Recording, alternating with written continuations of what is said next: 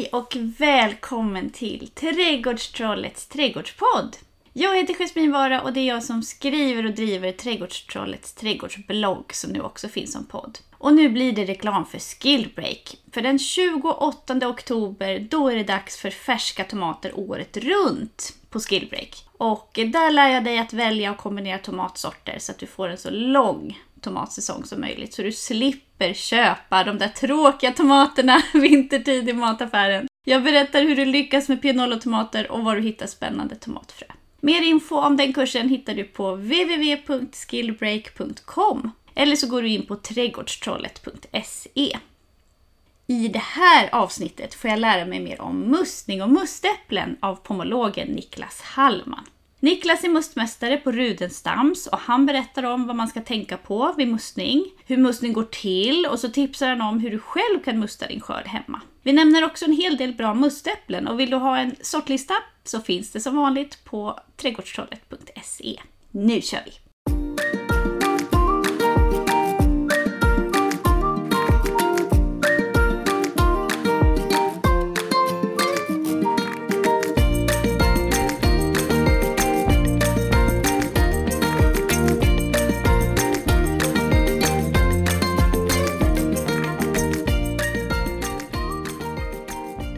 Då var det dags igen! Hej och välkommen till podden! Det börjar bli höst nu. Det är lite rött som syns på träden här hos mig i zon 4. Äppelträden dignar av frukt. Så vad passar väl bättre än att prata äpplen och must? För det finns ju faktiskt gränser för hur mycket äppelmos en människa orkar koka.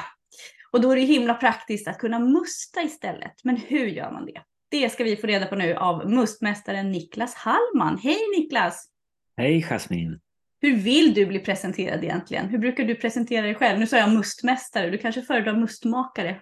Ja, men, eh, på mitt eh, arbetskontrakt så står det mustmästare, det är min arbetstitel. Eh, sen funkar inte det så bra på, på Instagram och sociala medier med, med Å, Ä, Ö. Mm. Då funkar det bättre med mustmakare. Jag, jag är mustmakare, eller mustmästare, säg vad du vill. Och sen är det ju faktiskt också egentligen pomolog också. Ja. Mm. Mm. Man behöver inte välja. och då kan ju det vara lite roligt så här. Hur känner vi varandra? Det kan ju vara kul för lyssnarna att veta här nu. Det är ju inte SVT, men alltså det kan ändå vara roligt att veta. Ja, men jag minns det. Det var så här års, början på oktober för fyra år sedan. Då träffades vi på en, en pomologisk utbildning arrangerad av Pomologiskt centrum. Mm. Så vi har flängt runt eh, i nästan hela Sverige. Ja, Äppelsverige i alla fall. Ja, Äppelsverige, precis. Eh, Huskvarna och, och Rudenstam och allt vad vi var någonstans. Och det är ju faktiskt där du jobbar. Ja, precis. På östra Vätterbranterna strax norr om Huskvarna. Och vad gör en mustmästare? Hur, hur, ser en arbetsdag ut för dig? Så nu måste du ha fullt ös. Det är ju högsäsong för dig nu gissar jag. Ja, verkligen. De här eh, två första veckorna i oktober, då är det då är det pressat som man säger i min bransch. vits, vits. Eller hur? Ja, det flyter på. Nej, men, eh, mitt ansvar här på gården, eh, det är ju en, en ja, just det här distriktet som vi befinner oss i, det räknas som, man brukar tala om tre, Sveriges tredje största äppeldistrikt. Eh, så här har vi gått om både äpplen och päron och eh, min uppgift är att leda arbetet i vårt gårdsmusteri. Vi har ju en industriell gren också eh, där vi tillverkar frukt och bärdrycker tillsammans med en samarbetspartner i Östergötland. Men sen har vi den här mm. hantverksmässiga grenen också och det är det som är mitt ansvar. Och tack vare modern teknologi när det gäller lagring av äpplen så, så är det ett arbete som pågår året om i princip. Helt fantastiskt att vi har tillgång till svenska äpplen så gott som året om. Ska pressa sista omgången i, i eh, midsommarveckan. Oj! Mm. Mm. Ja, då är det nästan som att du, ja, det är nästan säsong för dig året runt. Då. Men vad är det för zon där, där du befinner dig? Där jag befinner mig, jag sitter precis på gränsen mellan zon 2 och zon 4. Det är ett väldigt speciellt landskap här med um, de här förkastningshöjderna som, som mm. utgör uh, själva uh, liksom inramningen av Vättern. Här blickar jag ut över Vättern nu den här väldiga gravsänkan, en av Sveriges djupaste sjöar och så är det de här höjderna runt omkring som, som kastar sig ner mot sjön. Så eh, där jag bor, tre minuters cykel, cykelfärd härifrån, där är det zon, är zon 4. Och sen mm. cyklar jag ner för backen hit till äppelodlingen och då är man i zon 2. Oj, vilken skillnad. Mm. Det måste ju vara väldigt speciellt. Men, men odlar du några äpplen hemma i din trädgård eller får du liksom nog av det på jobbet?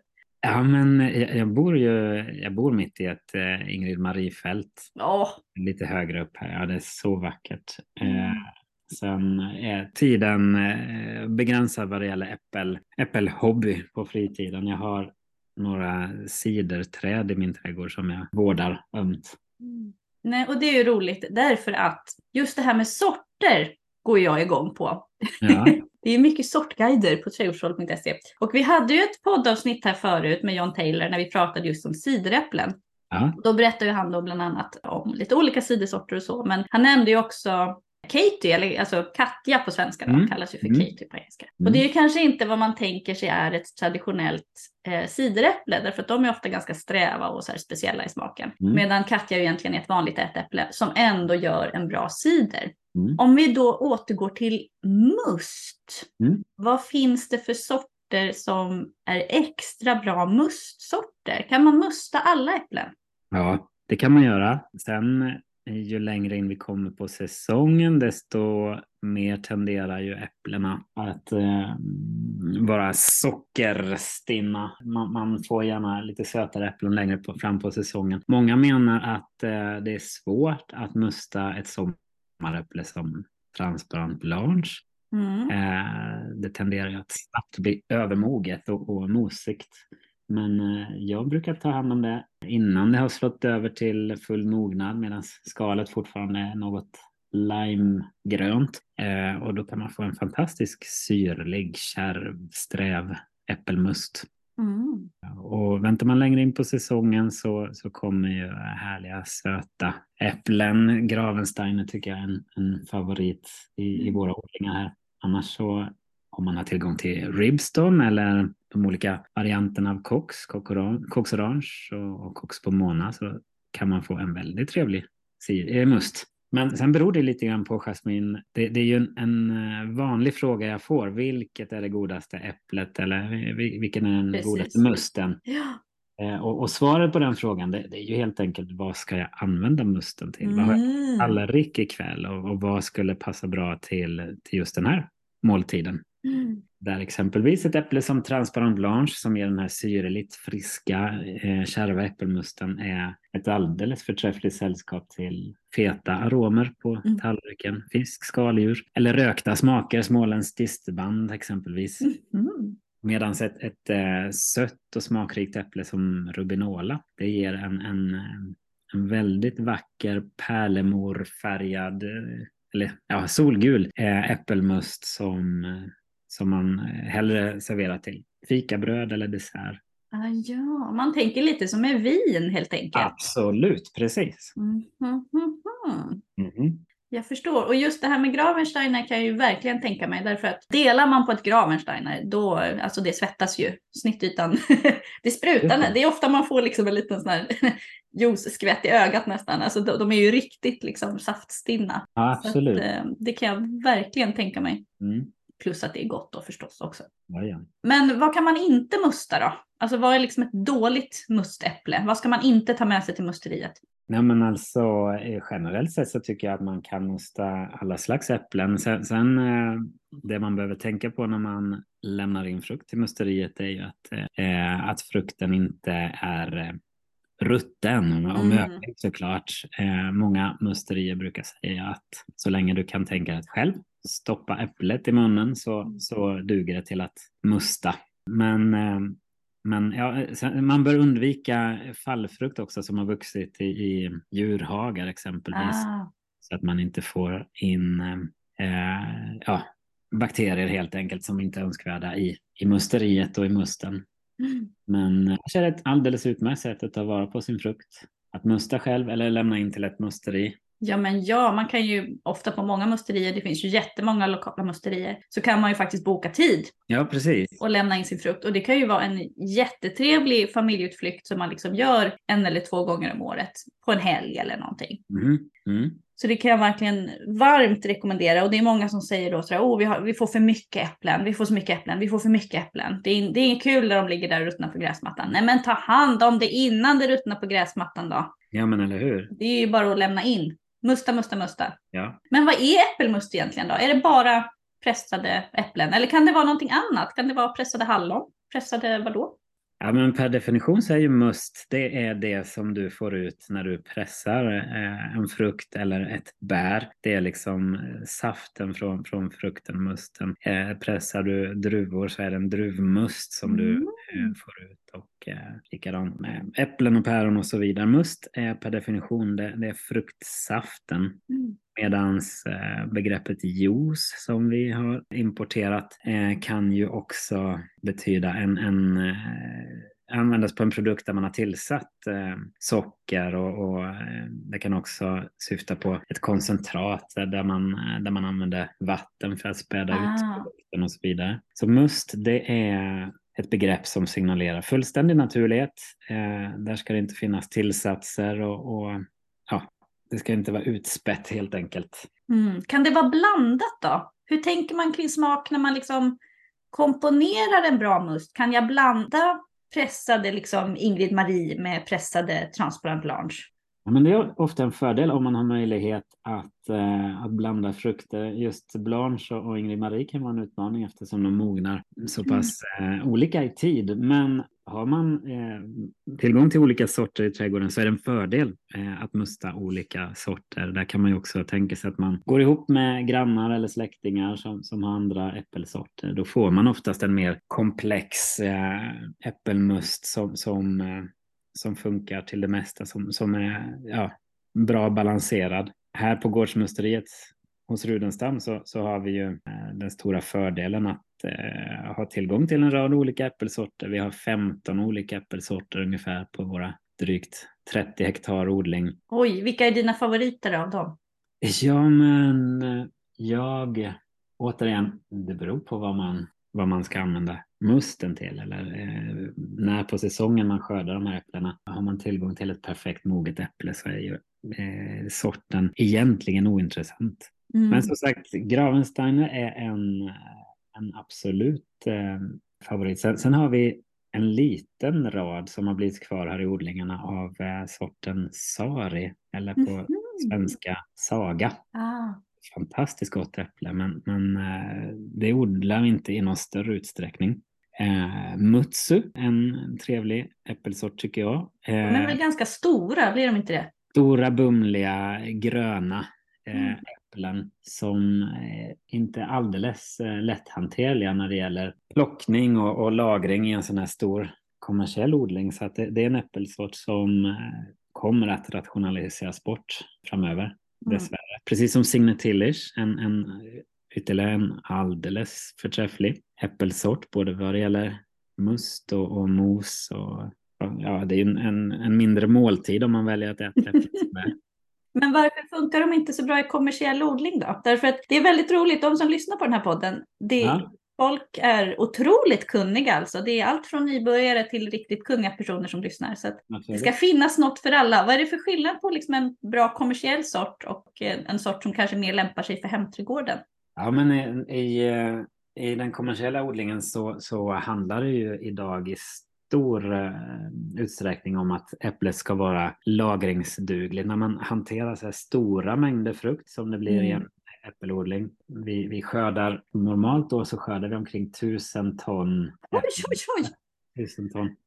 Så slår man ut det på, på ett normalstort äpple så är det åtminstone 10 miljoner äpplen som skördas för hand här nu under skörden. Eh, och, och varje äpple måste hanteras lika varsamt som ett ägg. Eh, äpplen är, är stötkänsliga om det ska gå att lagra Mm.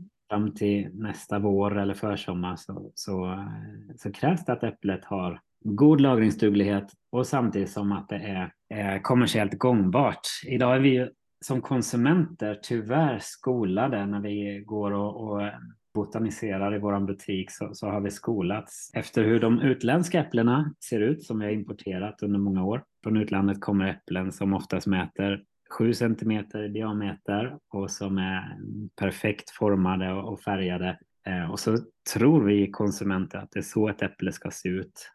Så, så handeln tvingar oss äppelodlare idag att, att anpassa oss efter det som folket frågar efter i butiken. Och då får man helt enkelt anpassa utbudet i, i odlingarna efter detta. Och då, då då sorteras dessvärre goda frukter som, som eh, till i smuts och, och så vidare bort. De här stora bumliga frukterna som, som inte klarar av eh, vårt köpmönster. Ja, och sen är det väl också så där att man handlar ju mycket med ögonen. Mm.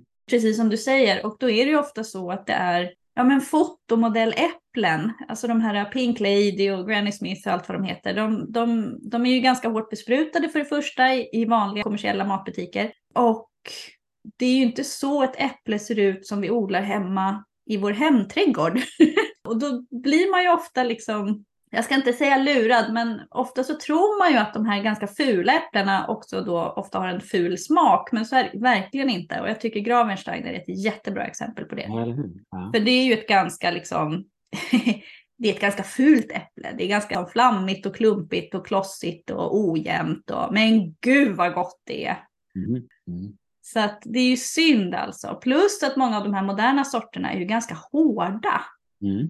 Medan lite, kanske inte alla, men många av de äldre sorterna, jag ska inte säga att de är mjöliga, men de har ett, ett lösare, mörare kött. Jag vet mm. inte hur man ska liksom förklara det här på ett säljande vis utan att låta alldeles... Så att ja, jag kan tänka mig att mm. det blir problem. Och sen är det också det här med hur träden växer, vad de får för grenvinklar. Ni beskär ju en hel del också. man ska ju inte bara ta hand om skörden, man ska ju också ta hand om träden. Ja men exakt, precis. Ja. Och då just ur ett hemträdgårdsperspektiv så är ju faktiskt Katja fantastiskt. Mm. Om ni som lyssnar här nu är väldigt sugna på att sätta något trevligt träd i trädgården att musta eller göra sidor av så Katja får ju väldigt snälla grenvinklar. Ett tips från mig. Och där, skulle jag, där måste vi nämna, eh, mina favoriter är ju också maglemer tycker jag. Ett, eh, ah, berätta om maglemer. Om man aldrig hört ordet maglemer i sitt liv, vad, vad vill du berätta då?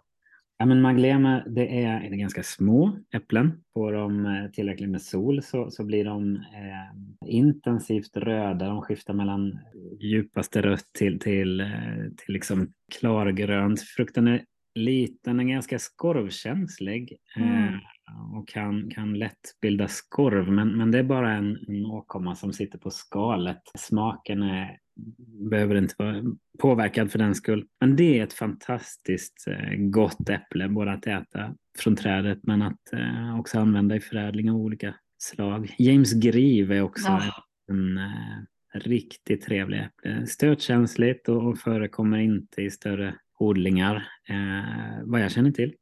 Jag har aldrig sett den där heller. I hemträdgården en ja, riktig pärla. Mm. Ja, och jag tycker ju att om man ändå nu har äpplen i sin trädgård så kan man väl använda dem. Och då är ju must fantastiskt, för som sagt, alltså, det är klart man kan koka mos, man kan mm. göra äppelpaj. Men hur mycket mos ids en människa liksom koka och äta? Hur många pajer ska man trycka i sig? Det går ju inte. Och då är ju must fantastiskt, för då tar man ju rätt på så himla mycket frukt på en gång. Mm. Men hur går det till när man gör must då? Vad är, vad är steg nummer ett? Jag har plockat mina äpplen. Det har inte mm. varit fallfrukt. De är inte ruttna. Jag har plockat mina äpplen. Jag åker iväg till ett musteri. Vad, vad händer då när jag kommer fram? Alltså, du, fallfrukt får det gärna vara, men, men har du vuxit i eh, djurhagar då behöver ja. Eh, men, men det här är ett jättebra tills, tillfälle att ta hand också om, om eh, frukten som har ramlat i backen. Så länge den inte är röten, mm. möglig. Ja, men processen sen är ju otroligt enkel egentligen. I musteriet, eller om man mustar hemma för den delen, så, så eh, efter att äpplena skördade så går man igenom äpplena eh, en gång till här på musteriet eh, så ser vi till att sortera äpplena en gång till innan mustning. Det kan ju ofta ha gått någon dag sedan de plockades och, och lades i lådan. Det är för övrigt bara en fördel om, om de kan ligga och eftermogna lite grann. Mm. Man behöver inte stressa och jäkta iväg till musteriet. Så länge äpplena har god kvalitet så, så eh, kan det bara göra eh, äpplena gott om de väntar lite grann. Men eh, här gör vi en sista urgallring så att det inte liksom har utvecklats någon, någon röta eller otrevligheter. Så. Och så sköljer vi äpplena varsamt i vatten och därefter så krossas äpplena till en fruktmassa som man sen fördelar i pressen. Där finns det lite olika varianter. Här på Gårdsmusteriet så har vi en mindre bandpress eh, som arbetar kontinuerligt och som då pressar ut saften eller musten ur frukten. Och eh, därefter så har man ju en, en färdig och drickbar äppelmust. Det är som sagt per definition eh, en, en ren fruktsaft. Men för att den här musten ska bli hållbar och, och hyllsäker, om man nu tänker sig att man inte vill dricka upp alla 100 liter på en gång. Ja, för det var ju det där med att man skulle inte spricka. Ja. man, man är bara människa. Ja, precis. Ja, men då pasteuriseras äppelmusten varsamt. Den hettas upp och så dör mikrobakterierna. Här gäller det att man eh, pasteuriserar tillräckligt såklart så att alla gästbakterier som naturligt finns i, i frukten dör. Eh, men du vill inte överpasteurisera heller så att du får den här kokta och fadda smaken på musten. Ah. Det gäller att eh, göra det lagom som jag älskar att tänka. och så medan musten är varm så tappar man den antingen på flaska eller om man lämnar den in till ett musteri så, så eh, hör det ju till vanligheten idag att man får tillbaka äppelmusten på bag-in-box. Påsar som, som oftast rymmer tre liter. Det finns ju lite olika storleksvarianter på det också. Och eh, så är det en del musterier har möjlighet att också kyla musten efter pastörisering. Det är en fördel för då, då kan man ytterligare bevara fler eh, komplexa aromer i äppelmusten. Oh. Som du hör så är, så är, det i grunden en, en mycket enkel process. Att eh, tvätta, krossa, pressa och sen pastörisera eh, musten. Mm. En process som man mycket väl kan göra i, i mindre skala hemma i trädgården också. Ja, och hur gör man då? då? Om man inte har massa maskiner, för det är ju inte du själv som står där och hackar och trycker, liksom, utan ni har ju maskiner då på mm. musteriet såklart. Det är ju fördelen med att ha ett musteri. Men om jag ska försöka mig på att göra det här hemma på billigast eh, möjliga mm. vis, vad har du för förslag? Mm. Ja, men eh, då kan man använda sig av enklare utrustning som finns att köpa bland annat på fruktpress.se eller ah.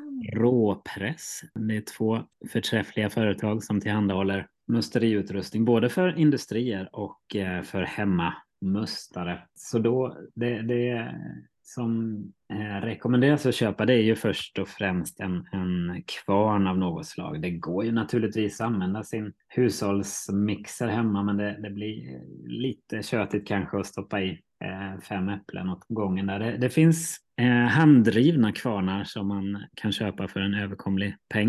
Mm -hmm. Och sen finns det lite mindre elektriska kvarnar av olika slag också. Så det, det, finns eh, i olika prisklasser och, och Eh, med, med, olika kapacitet. Men en kvarn behöver du.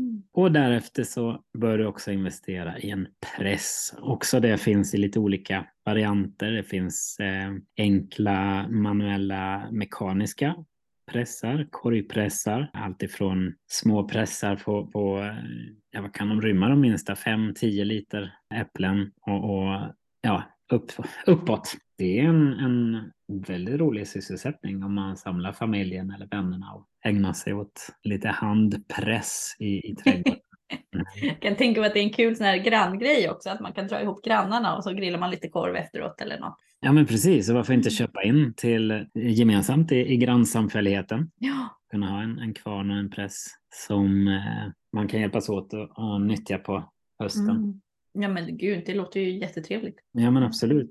Finns det något sånt här klassiskt eh, nybörjarmisstag för hemmamustmakare som jag ska tänka på då? För det har ju varit mycket snack nu på nyheterna om det här med botulism och grejer. Folk håller på och konserverar men vet inte riktigt vad de gör och så vidare och så vidare. Kan, kan jag bli sjuk jag av min must på något vis om jag, om jag klantar mig? Nej, det kan du inte. Eh, däremot så, så eh, om inte musten blir tillräckligt pasteuriserad ah.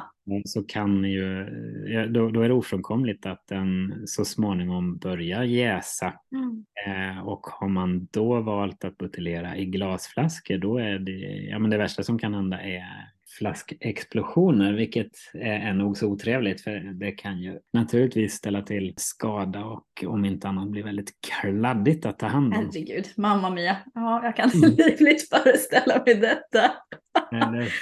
men, men att, att äh, dricka och, konsumera äh, must som har råkat jäsa, det, det, är ingen fara. Det är ju vad vi brukar kalla för en cider. Mm, det är det som är skillnaden alltså mellan must och cider. Det ja. ena jäst och det andra inte.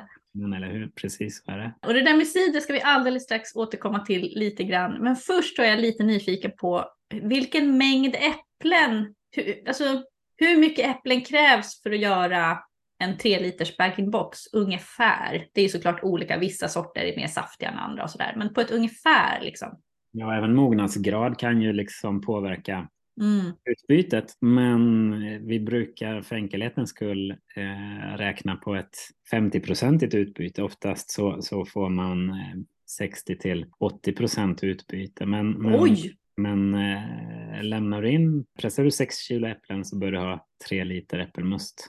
Mm. Mm. Okej, okay. vad är det minsta man ska ta med sig till musteriet då? En ICA-kasse är ju lite snålt kanske, men liksom, vad, ska man ha med sig? Ja, men du, det är lite olika. Det får man kontakta sitt eh, lokala musteri och kolla vad som gäller. Mm. En del har fritt fram eh, och du kan liksom lämna in så lite eller så mycket du vill. Medan andra musterier har en minimigräns. Hos oss så har vi sagt eh, 60 kilo äpplen som ett minimum. Och det är ju för att, eh, ja det beror lite grann på hur maskinparken ser ut. Eh, mm. Det är en del must som, som ofrånkomligt försvinner i, i maskineriet. Mm. Eh, och dessutom så kan eh, så efterfrågan så pass hög att en del musterier måste ha en minimigräns på det sättet för att eh, kunna hantera eh, inflödet förstår. Och apropå hantering, hur ska jag då transportera de här äpplena? Jag minns själv från en gång eh, i, i mina glada tonår eh, när jag och en kompis hade plockat ihop sådana här pappers-ICA-kassar med äpplen. Och sen så när vi skulle lyfta dem så gick ju handtagen av då. Har du något bättre förslag? Lite hållfast kasse typ man kan transportera. Inte vet jag, en, en IKEA-kasse, de här blå plast. Har du något bättre förslag? De är ju bra till så mycket. De där mm.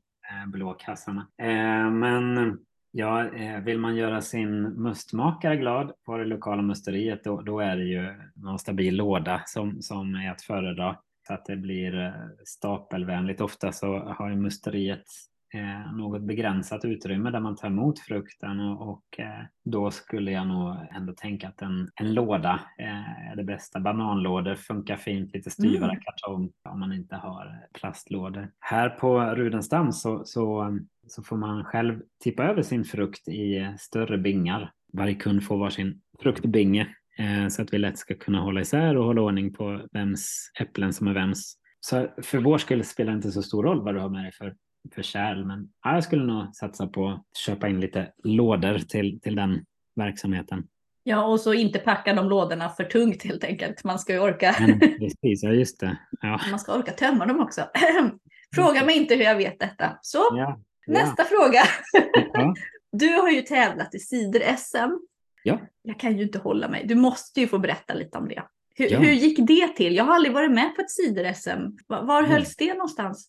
Ja, men det här är en tradition sedan ett par år tillbaka. Jag är lite osäker på när man startade, men det är en, en, eh, ett event som arrangeras av Svenska Ciderfrämjandet eh, tillsammans med eh, ett företag som heter Riktig Cider, en importör av eh, fransk cider eh, och Spritmuseum i Stockholm.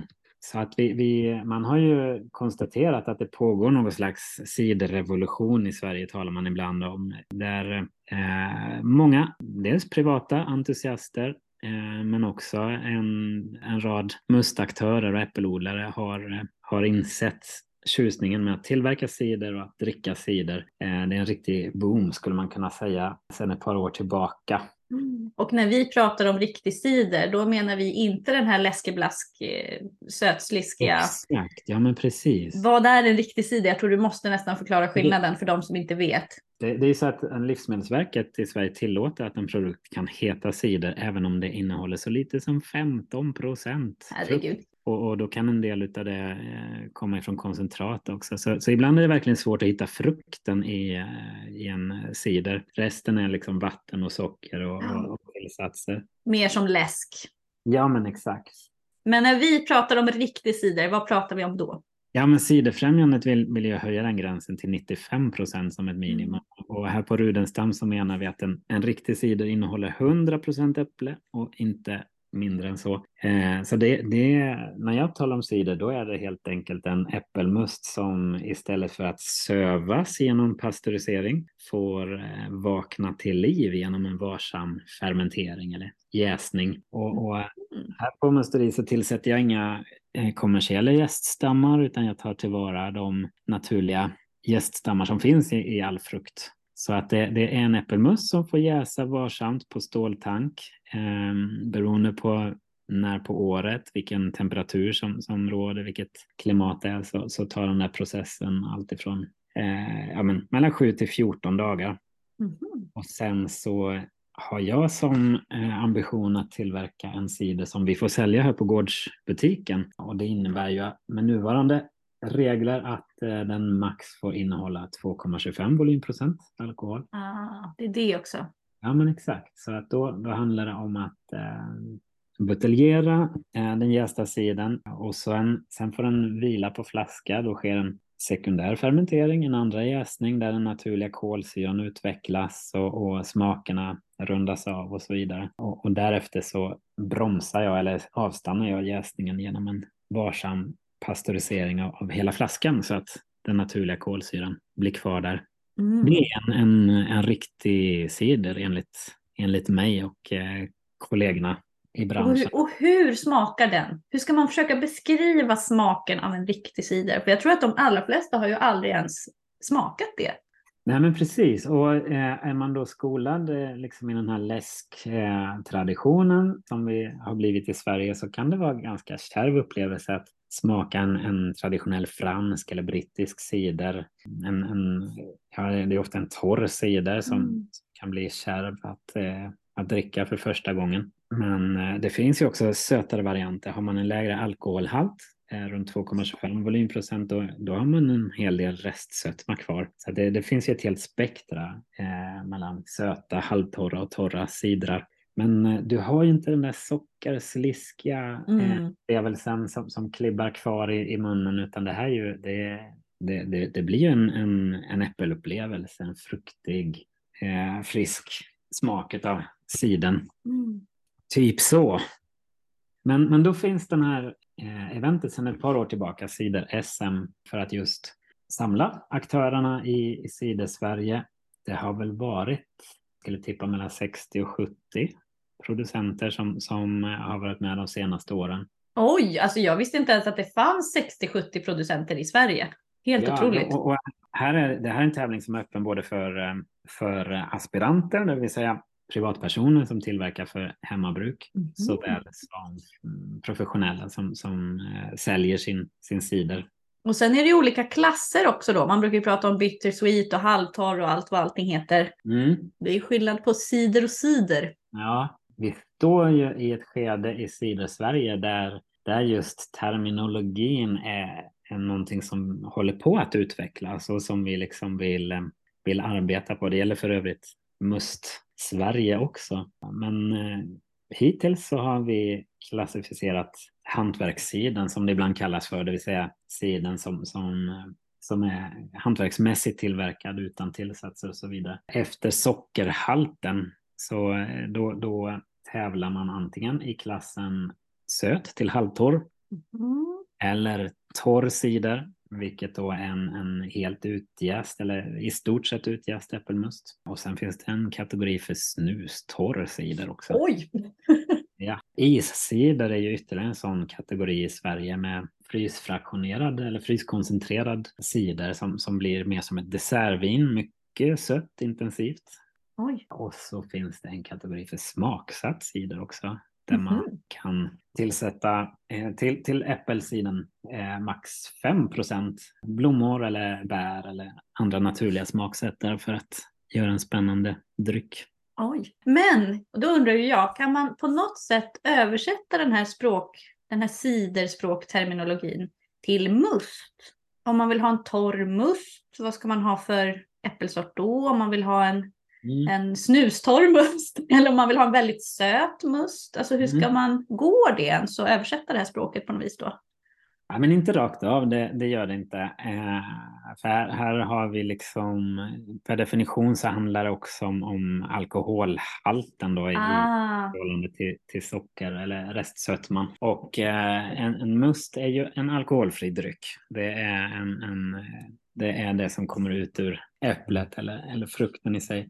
Mm. Men eh, vi har gjort som så här på Rudenstam så att vi eh, i gårdsbutiken har med inspiration ifrån en annan gruppering som Systembolaget använder sig av i sina drycker så, så har vi sorterat vår äppelmust eh, i, i fyra, egentligen fem olika kategorier där vi kallar en kategori för friskt och syrligt. Mm -hmm. lätt och blommigt är en annan sån mustkategori. Fruktigt och mustigt, sött och smakrikt. Sen har vi en som vi kallar för rött och nyanserat.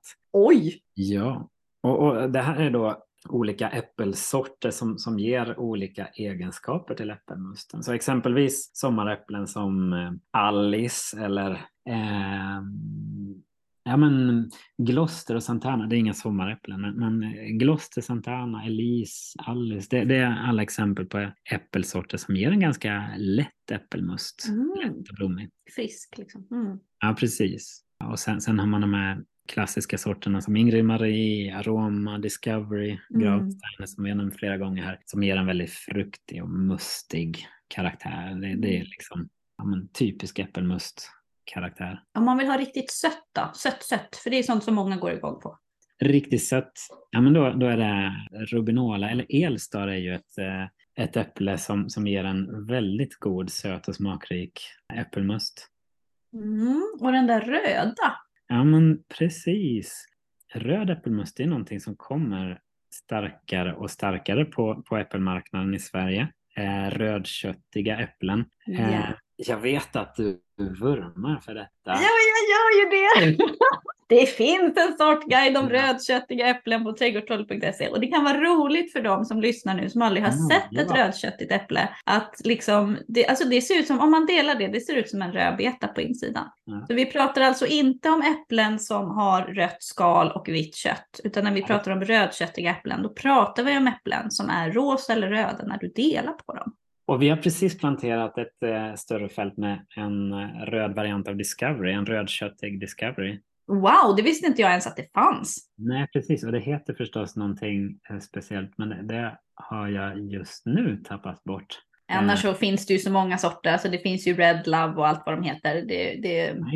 Ja, men precis, precis. Men sen, sen här på musteri så, så, väljer vi att eh, smaksätta en del av äppelmusterna med eh, gårdens eh, vinbär, eh, framförallt de svarta vinbärna. Och då, då, får man en, en då får man också en, en, en väldigt eh, vackert eh, rött utseende på äppelmusten. Svarta vinbär tillsammans med aroma ger en väldigt, en mycket uppskattad äppelmust som, som med fördel kan användas till lite kraftfullare rätter, nötkött, viltkött. Eh, ett fullgott alternativ till rödvinet. Ja, men det kan jag tänka mig, för vinbär är ju också ganska, eller vinbär överhuvudtaget är ju ofta ganska syrligare smaker. Och det kan ju också vara roligt att veta angående de här rödköttiga äpplena att de är ju alltså oftast inte liksom klassiska ätäpplen utan de är oftast mycket syrligare. Mycket syrligare än, än liksom vanliga ätäpplen. Det är inte alltid de är så himla härdiga heller. Det finns ju ett som, som är lite mer eh, känt då för att vara eh, härdigt än andra och det är ju Weinen. Eh, kallas för estniskt vinäpple men det stavas V-E-I-N I-Ö-U-N läser jag här, fuskläser på min telefon eh, och det är väl estniska då. Mm. Eh, syrlig som sjutton. Och då, då, kan man ju tillsätta, man behöver inte göra bara på vejnan, en hel must bara på vejnan, utan då kan man ju tillsätta, man kan blanda lite precis som mm. du beskriver. Mm. Och är man då jättenyfiken på de här rödköttiga äpplena och supergärna vill prova och smaka ett sånt, mm. så är det ju perfekt tid nu, därför att snart är det ju halloween, allhelgon och allt det här. Och ni vet ju att mataffärerna brukar ju mjölka det här konceptet ganska hårt. Mm. Och en av de eh, stora matkedjorna med tyskt namn brukar ju ha faktiskt rödköttiga äpplen just under halloween. Att, eh, då kan man åka dit och spana. En Red Moon brukar de sälja. Mm. Eh, och det är inte alltid de här rödköttiga äpplena är röda på utsidan, utan de kan faktiskt ha annan färg på sitt skal på utsidan. Men när man delar på dem så är de rosa eller röda på insidan. Så ut och spana, ut och spana. finns mycket roligt där ute. Hur kom just... det sig att ni valde just den här äh, röda Discoveryn? Ja, men vet, vet du, jag, jag har inte stenkoll på hur eh, våra fruktodlare resonerar om just eh, valet av röd Discovery. Det, det finns ju lite sådär eh, licens... Eh, ja. historier när det gäller äpplen av olika slag. Eh, och inte minst de här nyare, modernare rödköttiga äpplena så, så eh, får man inte odla eh, hur som helst och, och, vilka som helst. Så jag är inte exakt säker på hur eh, beslutsprocessen såg ut där måste jag säga. Mm. Nej, jag tycker bara att det är så roligt att det finns överhuvudtaget för jag kände inte till det. Men det här med, alltså man tror ju ofta, det är ändå nyttigt och bra nu att vi använder det här tråkiga ordet licens. Därför att många som älskar trädgård, de tycker att trädgård är jättemysigt och härligt. Och ja, trädgård är jättemysigt och härligt. Men trädgård är också big business. Och eh, växter är ju alltså produkter. Och det betyder att då, förr eller senare så kommer man stöta på uttryck som registrerade varumärken och licenser. Och så att det är inte bara att odla vad som helst hur som helst eller att föröka vad som helst hur som helst. Utan det där är ganska hårt reglerat faktiskt. Mm. Eh, och det är också därför som det inte alltid är så lätt att få tag på de sorterna man vill ha. För det är inte alltid alla sorter ens finns att få tag på för hobbyodlare. Mm, så att eh, ja, visst är det härligt med äpplen, men eh, det här med att få tag på sånt man vill ha är ju inte alltid helt lätt. Eh, särskilt vad gäller färdig must skulle jag vilja säga. För ofta när man ska köpa färdig must, då står det ju inte alltid ens vad det är gjort på för slags äpple. Vad kallas det för när det faktiskt står på flaskan vad det är för slags must? Eh, ja, men eh, hos oss så kallar vi det för rudemust. Det mm. är uppkallat efter byn där vi odlar våra äpplen, Ruduby. Eh, och det går ju alldeles utmärkt att botanisera på vår hemsida rudenstam.se där det finns en webbutik och man kan beställa hem eh, sortrena äppelmuster till, eh, till soffan helt enkelt. Ja, vad mysigt. Har du några favoriter? Du måste ju tipsa om, om du har några egna smakfavoriter. Ja, men då, då, tycker jag man ska testa allt ifrån den syrligt friska transparent blanche till, till den söta smakrika rubinola. Mm. Eh, beställ hem ett par olika flaskor eh, och, och, testa just variationen. En del har liksom inte reflekterat över det här tidigare. Man tänker att en äppelmust både doftar och smakar äpple. Det är mm. liksom första man tänker på såklart, det ligger nära till hands. Men, eh, men, men precis som ett vin så kan man uppfatta en mängd olika smakassociationer och aromer som, som kommer fram om man ger sig tid och, och liksom är lite närvarande i stunden. Så jag skulle rekommendera att beställa hem ett par olika flaskor. Kommer du över Gravensteiner så, så rekommenderar jag det, för det, det är just den sorten eh, har gått lite dåligt hos oss nu i år. Någon form av angrepp som gör att det inte blir fullt så stor skörd på just den sorten. Åh, oh, tråkigt. Ja, men verkligen. Inte minst eftersom jag gärna använder det som bas i ciderproduktionen. Mm. Men, eh, har ni några smakprovningar förresten på Rudenstamms av just must? Ja, oh ja. Det har ni? Absolut, ja då. Hur går en sån smakprovning till då? På ett ungefär? Mm, precis, då, då ehm, Ja, men man kan komma till mussprovning antingen eh, så bokar man det som ett privat sällskap eller så kan man ta med det och, som en, komma och göra som en, som en företagsgrej här i, i, på vårt musteri. Vårt koncept är att jag har valt ut fyra stycken sortrena äppelmuster som vi provar tillsammans med smakbitar från vårt eh, gårdscafé just för att få den här upplevelsen hur, hur äppelmust kan paras ihop med, med olika maträtter och smaker på tallriken och, så upptäcker vi tillsammans vad det gör med smakupplevelsen på både drycken och, maten att kombinera detta. Så en, en timmes mustprovning med fyra olika drycker och, och tilltugg till det. Och, och, så ett samtal om äpplets eh, värld. Mm, ja, det låter ljuvligt. Hur har den här säsongen varit förresten? Därför att vi har ju haft så otroligt, liksom, det var ju en torr höst förra hösten. Och sen mm. var det en torr vår och sen var det en jättehet och torr juni, i alla fall här där jag bor i zon 4. Och sen har det ju liksom regnat oupphörligt. Har det varit ett bra äppelår i år? Ja, men vi tar ut en eh, normalstor skörd i år på våra odlingar. Det är just eh, Gravensteiner som, som eh, dippar lite grann. Mm. Men på det stora hela så är det ett normalt år. Sen, sen märker jag med traktens trädgårdsägare här att det är lite sämre skörd jämfört med, med förra året som, som var ett riktigt sånt äppelår mm. här i våran bygd.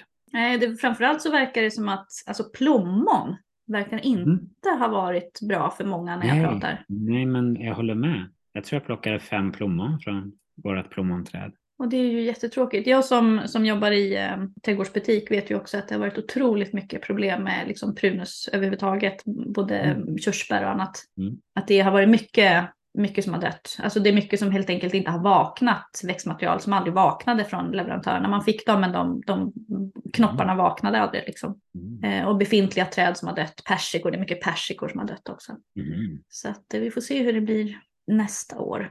Mm. Eh, det återstår att se. Men tiden rusar när man har roligt. Nu har vi pratat ganska länge om, eh, om äpplen och äppelmust. Men snart är det ju faktiskt eh, äppelmustens dag. Mm. 11 oktober, är det 11 oktober om jag minns rätt? Jag kan minnas fel. Ska ni hitta på något särskilt då på Rudenstams? Men du har som inte rätt Jasmin. Eh, ja, men vi hittar alltid på något särskilt här på Rudenstams. Just den 11 oktober så lär det väl finnas lite äppelmust att smaka på i, i butiken själv. Så tänker jag att jag står vid pressen. och pressar och pressar. ja, precis. Det, det, brukar liksom vara kulmen som sagt där, runt det datumet med eh, frukt som behöver tas om hand just nu. För det, det är inte alla våra äpplen som lämpar sig för lagring till midsommar utan det är en hel del äpplen som, som behöver tas om hand just nu efter skörd. Så jag, jag ska fira det eh, i, i musteriet tänker jag. Men kommer man hit som gäst eller kund så, så lär det finnas lite olika muster att smaka på. Förhoppningsvis så, så bjuder dagen på vackert väder och då är man varmt välkommen att slå sig ner här i vårt café och lunchrestaurang med utsikt över äppelfälten som böljar ner mot Vättern. Mm. Det brukar kallas för Smålands Toscana i folkmun. Ja, men jag förstår det, därför att när man kommer dit så det, det är precis så det känns. Det är bara istället för vinstockar så är det liksom fruktträd. Mm. Det är otroligt vackert.